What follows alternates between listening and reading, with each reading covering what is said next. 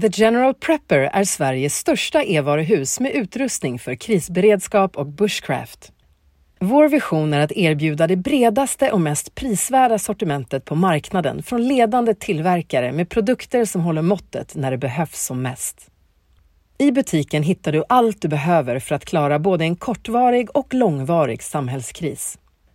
Här hittar du färdiga krislådor och guider som hjälper dig bygga en egen som passar just dina behov. Här finns allt för att rena och lagra vatten, hålla värmen och ge dig tillgång till nödvändig krisinformation. Här hittar du också Sveriges bredaste utbud av frystorkad mat med upp till 25 års hållbarhet. Välkommen in på generalprepper.se. Alltså generalprepper.se. Hej kära lyssnare och trygghetsambassadörer! Trygghetspodden planerar alltså att expandera och ta in fler personer som kan ta upp viktiga trygghetsfrågor.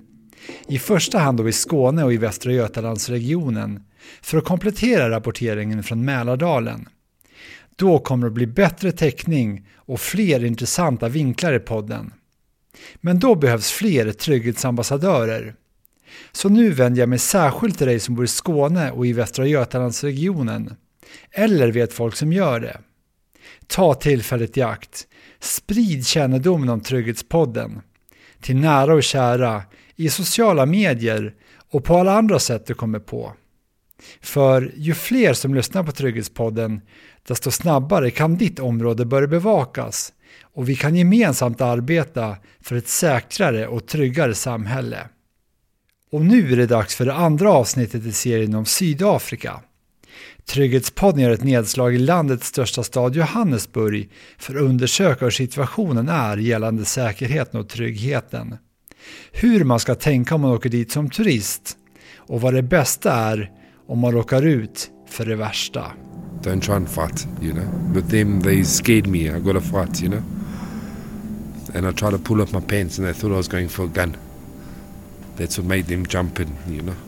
Otherwise, they just want to rob you. I don't think they really want to murder you or anything like that. Du lyssnar på Sveriges viktigaste podd, Trygghetspodden, med Anders Königsson. Philip Bruce är från Durban på Sydafrikas östkust men har bott i Johannesburg, eller Joburg som stan ofta kallas, i åtta år. Jag träffar honom på terrassen till ett hostel en bit utanför Johannesburgs centrum. I taket ovanför oss hänger en mängd mindre flaggor från världens alla hörn och en lampa som sprider ett dunkelt sken i det annars snabbt fallande mörkret. Det har just slutat regna och doften av våt grönska letar sig in från hostelets trädgård som omges av en tjock hög mur med ett väl tilltaget galler på toppen. Philips resliga kropp, iklädd en blå huvtröja och ett par löst åtsittande jeans sjunker ihop lite när vi börjar prata om säkerheten och tryggheten i landet. För han är inte nöjd med situationen. Don't feel too good about it.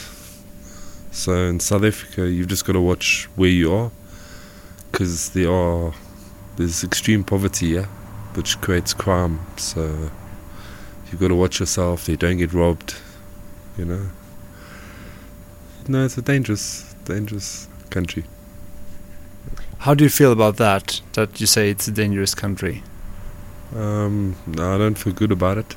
I wish it wasn't like this because um, I've been everywhere in South Africa and I know how the people are in the rural areas, but they leave there and they go to the cities to look for jobs and there's not enough jobs. So the people they turn to crime, which is uh, it's a shame and also our education system is not up to scratch. If the education was better, then there would be more chances for the people. Is there any difference you will say between Durban and Johannesburg when it comes to these kind of questions? No, all the cities are dangerous, all of them. Um, I wouldn't say Joburg's more dangerous than Durban. There's areas in Durban that are very dangerous. You can't go there. Uh, if you go there, you're gonna get murdered or robbed, or it's just how it, it's gonna be. So I would say, but then there's also areas where it is safe, you know. Like you look at Cape Town, you go to the beachfront, you can still walk around, but say like Joburg, you couldn't walk around here in the city. You would get robbed within the first five minutes, you know. So just depends where you are. There are places here where it is safe. Yeah. How much do you think about that yourself? The situation when it comes to your own safety? I think about it all all the time. I mean, you live amongst it, you know, you live in it. I've been mob, I've been, I've had my own incidences in my life, you know, so it is a worry.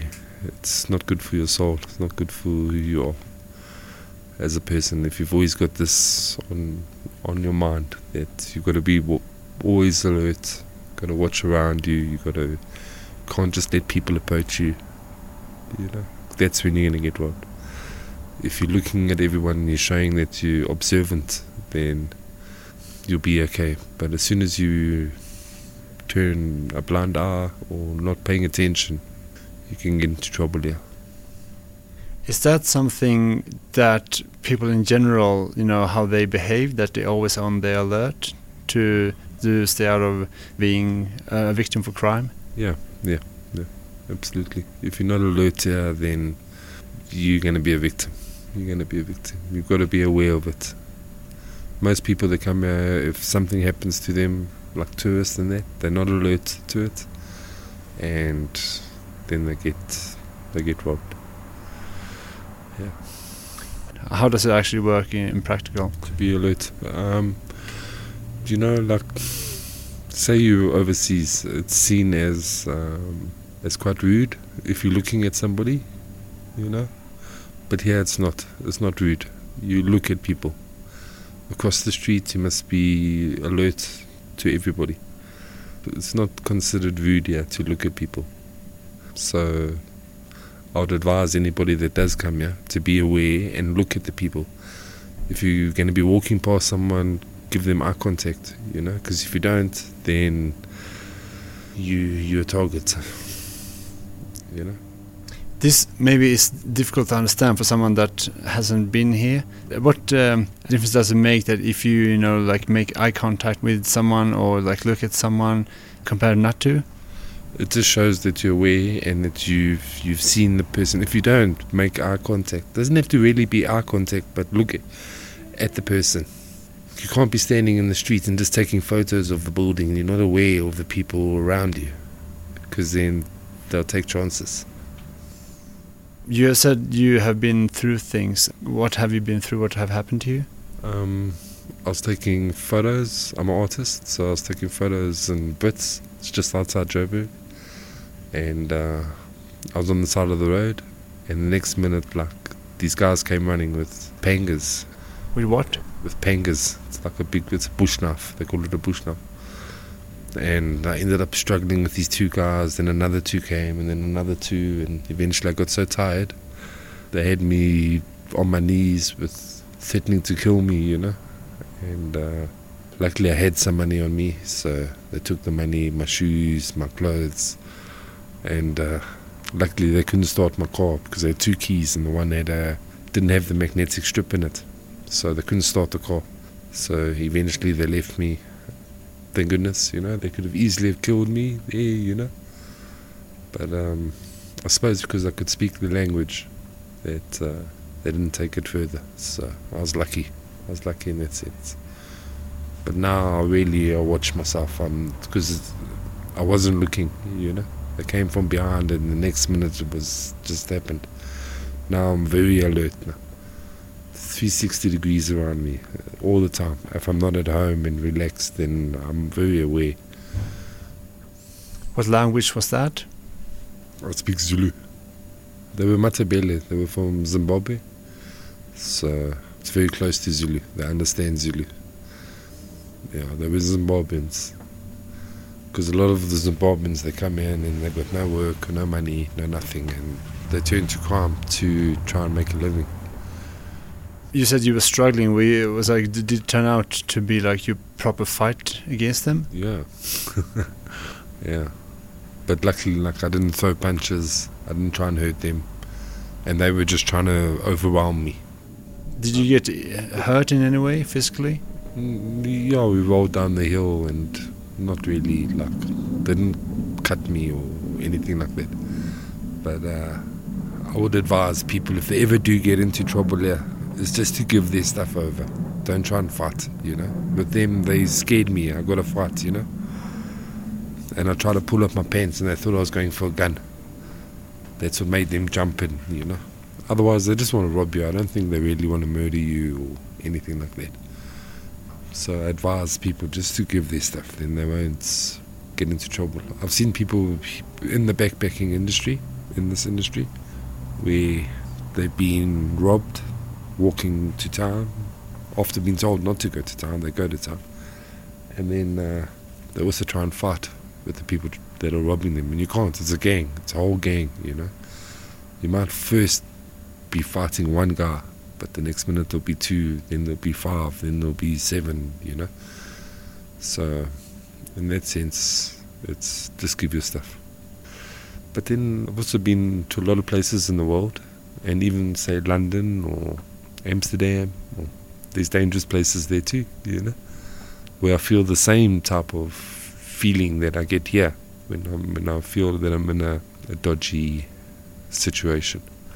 So it's all over the world, you know, these dangerous places. So Uh, you said you were very aware of the situation and very alert after that happened, but how did you actually feel like mentally after that happened?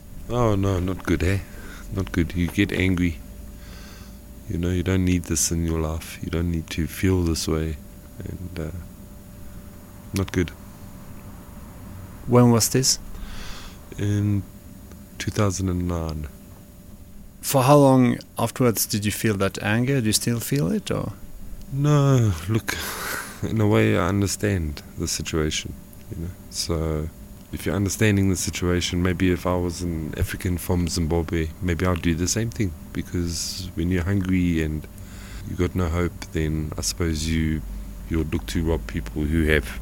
I can only think that that's what I would do if I was in their situation. I made an interview when I was in Port Elizabeth with a black guy, uh, and he said that if you are white, it's a bigger risk that you turn out to be a victim for like being mugged or being, you know, pickpocket or whatever. Is that so? Does that your experience as well? Okay, I think you, you stand out more, and uh, but yeah, okay, we call the people the gangs, we call them tsotsis, okay, and they don't discriminate. They rob their own brothers. It's not like just because you're white you get robbed.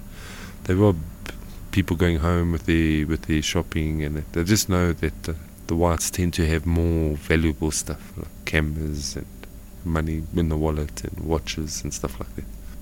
So I don't think it's just because if you if you're white. Another thing, um, when I'm talking about walking along in the streets and stuff, but also like the way people are living, it seems like most houses they have like high walls and electrical fences and barbed wires and stuff. What do you think about that? Yeah, it's not good. It's not good at all. You know, um, it's um, there's a lot of robbery going on.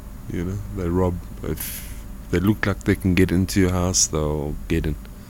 So, in that sense, you need to have high walls, electric fences. Yeah, it's no good to be living like that because you feel like you you're in a jail in your own house. So those walls they are necessary. Very necessary. yeah. If you don't have them, they'll come and rob you. There's a reason why they're there, you know. I mean, but it's been like this for a long time, you know, like years. In the 60s, the amongst the African people, they were told from the ANC, their hierarchy, to rob the white people.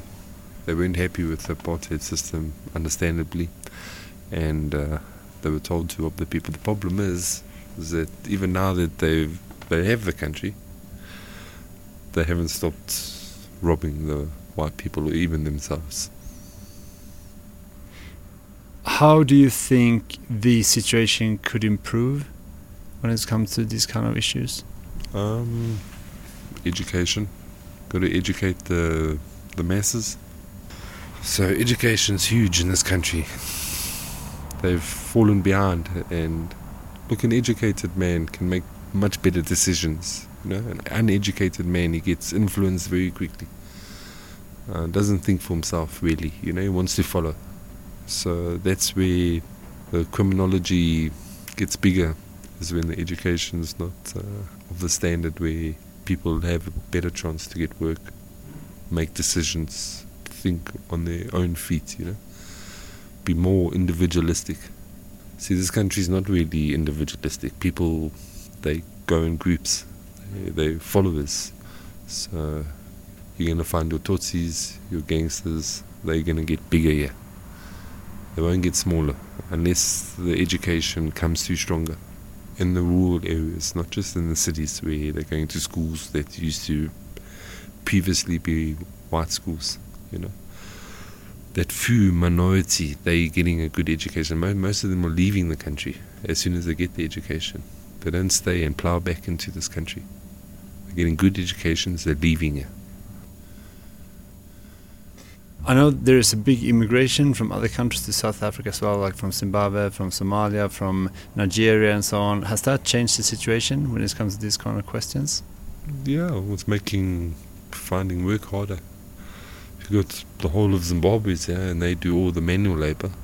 So now, I mean, we're in a country struggling to support itself as it is, and uh, we're struggling to find jobs for all the people. So it doesn't make it easy when you've got a couple of million coming in from the rest of Africa.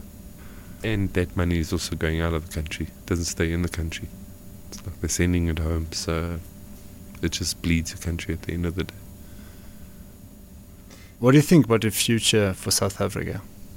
Pretty bleak, to be honest, you know. If I could see it getting better, but I don't see that. So, like we're talking about land distribution, and so uh, what's happening is a lot of the white farms are going vacant and they're being, the African people have taken the farms over. Those farms are not used anymore as commercial farms they become part of the rural system, so they don't generate any money for the country. No one really has work. Okay, there is land for rural people to live on, but they just do sub- subsistence farming. They don't do commercial farming. So I suppose the country's got to watch out on how much of the land they want for just rural living and how much of the land do they want for commercial farming. Because commercial farming is very important in this country. It's one of the top producers in the country with mining minerals. So a lot of, of white farmers are moving away from South Africa now, or yeah, they're getting out of it because uh, a lot of them are fearing for their lives. There's been a lot of farm murders. Uh, a lot of them are going to Mozambique, Botswana, Namibia, even Zimbabwe apparently. I don't know what's going on with the political scenario there. But they are moving from here. They've had enough. Have you been thinking about leaving South Africa because of this, the situation with the crime and all that stuff? No, um, I have left uh, South Africa before. I've lived in Europe, in Britain, in, in Holland, and um, I miss Africa. You know, it's a great country. This beautiful.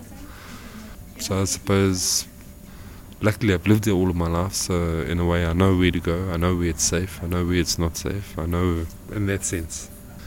So I'm okay, yeah, but I do worry about the country as a whole. I traveled a half a year here in southern Africa and ended up staying here. Heinz Kunz är ursprungligen från Zürich i Schweiz, men han har bott i Johannesburg i 15 år. Efter att ha rest runt i södra Afrika ett halvår blev han kvar i Sydafrika och driver nu det hostel där vi befinner oss. Han drar ibland handen genom det snaggade gråsprängda håret eller rättar till de små runda glasögonen medan vi börjar prata. Kanske för att ha någonstans att göra av handen som just då inte håller i en cigarett, vilket annars verkar vara fallet i stort sett hela tiden. Han säger att man behöver vara lite försiktig i Sydafrika och också att det är skillnad mellan Johannesburg och Kapstaden.